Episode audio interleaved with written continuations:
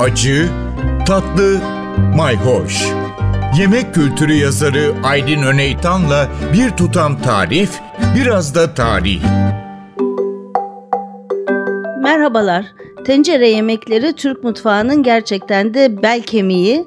Tencere yemeği deyince aslında çok çeşitli bir yemek yelpazesinden bahsediyoruz. Tencerede yemek pişirmek aslında teknik olarak oldukça kolay.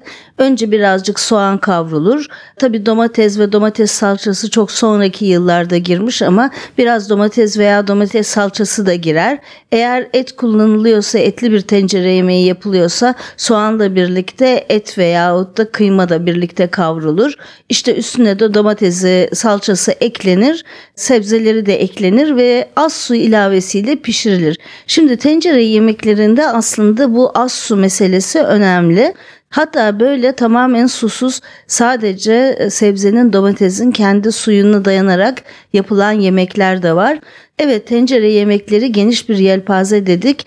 Başka isimler de alıyor. Mesela bastı, silkme, türlü, musakka, oturtma gibi.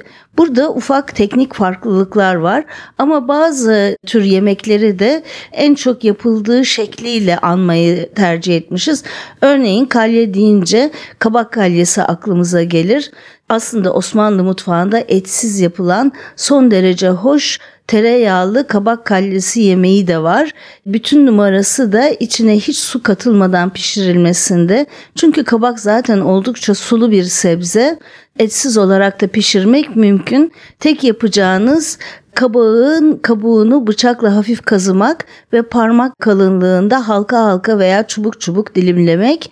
Sonra çok büyük olmayan bir tencerede tereyağını koyup soğanı eklemek ve kavurmak, kabağı eklemek. Şöyle bir alt üst ettikten sonra da 2-3 adet kabuğu soyulmuş, küp küp doğranmış domatesi eklemek. İşte bu şekilde kendi buğusunda kapağı kapatılıp pişirilince inanılmaz güzel bir kabak yemeği oluyor.